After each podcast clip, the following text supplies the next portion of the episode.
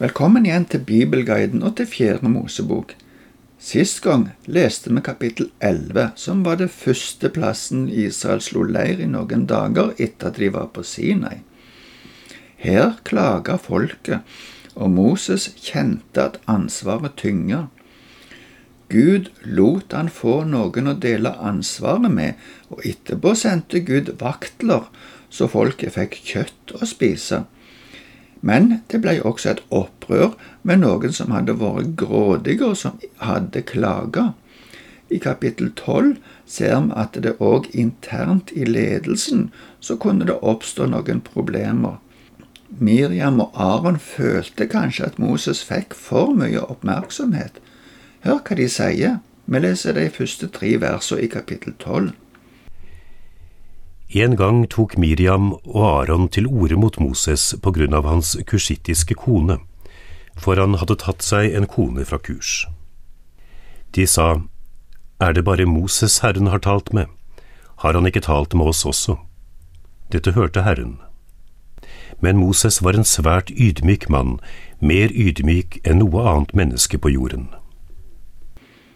Rekkefølgen på navnene Miriam og Aron antyder at det var Miriam som tok initiativet til klagen, men at hun fikk Aron med seg på dette. Det står at kvinna var fra Kush. Noen bibler oversetter det med at hun var etiopisk. Uansett var hun ikke jøde. I begynnelsen av andre Mosebok så ser vi at Moses flykta til Midian, og kona hans var datter til presten Reuel der at denne familien ikke var opprinnelige midjanitter, som jo var arabere og semitter, kan hende, men det går vi ikke mer inn i nå. Noen kommentarer nevner muligheten for at Moses kan ha gifta seg med ei annen kvinne i tillegg, uten at det er nevnt noe om det.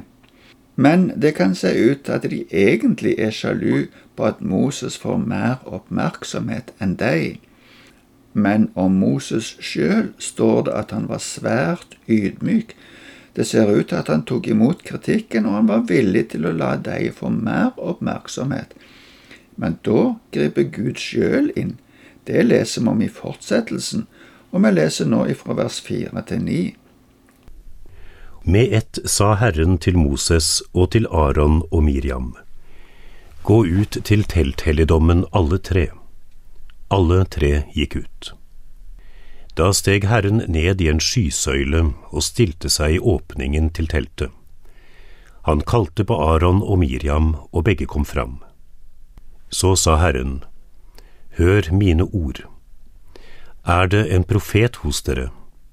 I syn gir jeg meg til kjenne for ham, i drømmer taler jeg til ham. Slik er det ikke med min tjener Moses. I hele mitt hus er han den mest betrodde.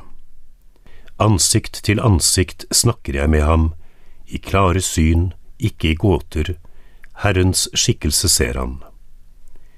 Hvorfor var dere ikke redde for å ta til orde mot min tjener Moses?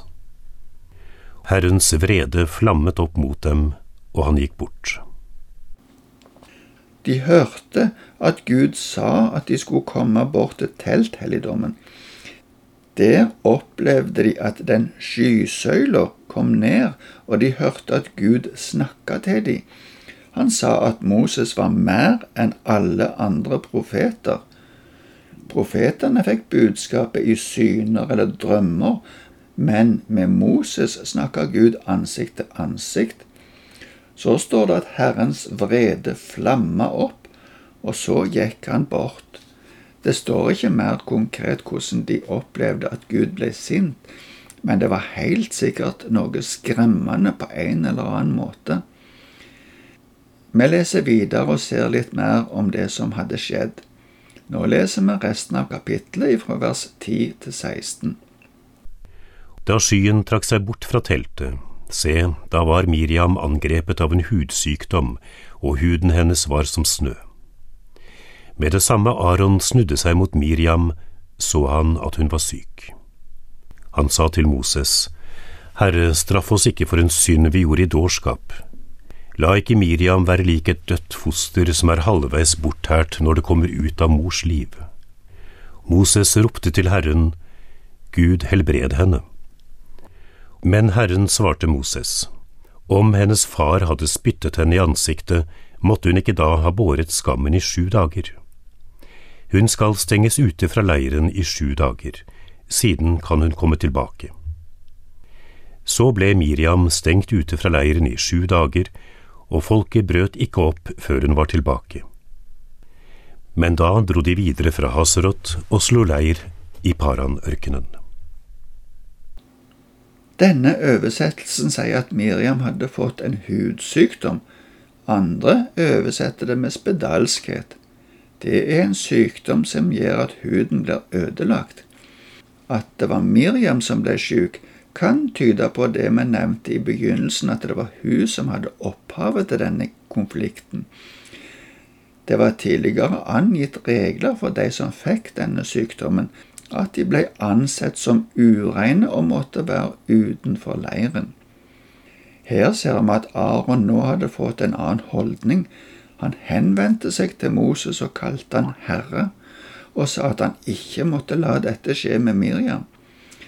Det var nesten som at Aron tenkte at Moses hadde makt til å helbrede henne. Men Moses ropte til Gud, som svarte at Miriam måtte bære skamma i sju dager. Det som nevnes som et eksempel at en far spytter dattera i ansiktet, må være på grunn av noe alvorlig som har hendt, og det må være fryktelig skammelig for de som opplever å bli spytta i ansiktet av faren. Hele leiren ble værende på denne plassen i de sju dagene som Miriam måtte være utenfor leiren.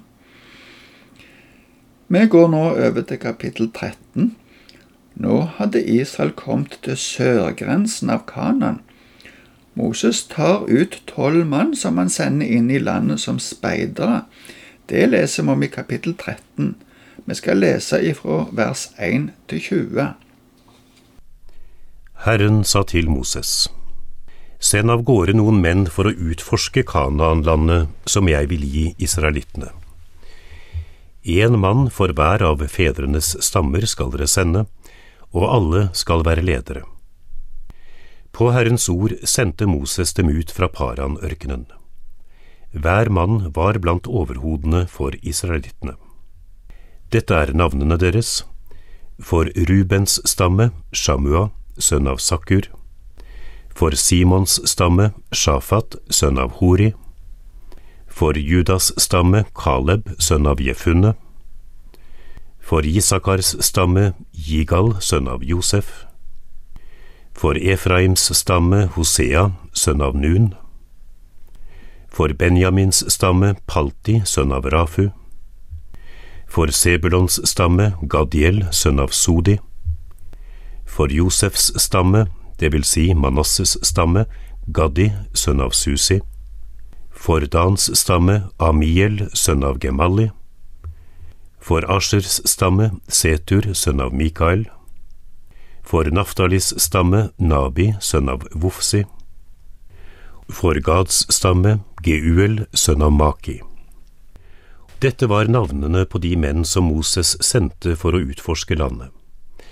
Men han ga Hosea, sønn av Nun, navnet Josfa. Da Moses sendte dem av sted for å utforske Kanaan-landet, sa han til dem, Dra opp til Negev og videre opp i fjellet. Se hvordan landet er, og om folket som bor der er sterkt eller svakt, lite eller stort. Hvordan er landet de bor i, er det godt eller dårlig? Hva slags byer holder de til i, er det teltleirer eller befestede byer? Hvordan er jorden, fruktbar eller mager? Vokser det trær der eller ikke? Vær modige og ta med noe av førstegrøden i landet. Det var tiden for de første druene.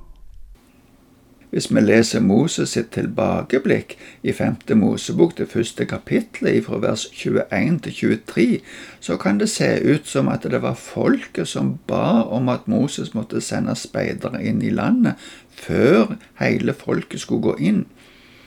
Moses hadde akseptert dette forslaget og gjort dette. Det kan hende han hadde bedt Gud om råd og så sa Herren det som vi leste i begynnelsen av dette kapitlet, at Moses skulle ta ut disse personene til å dra inn og finne ut hvordan landet var.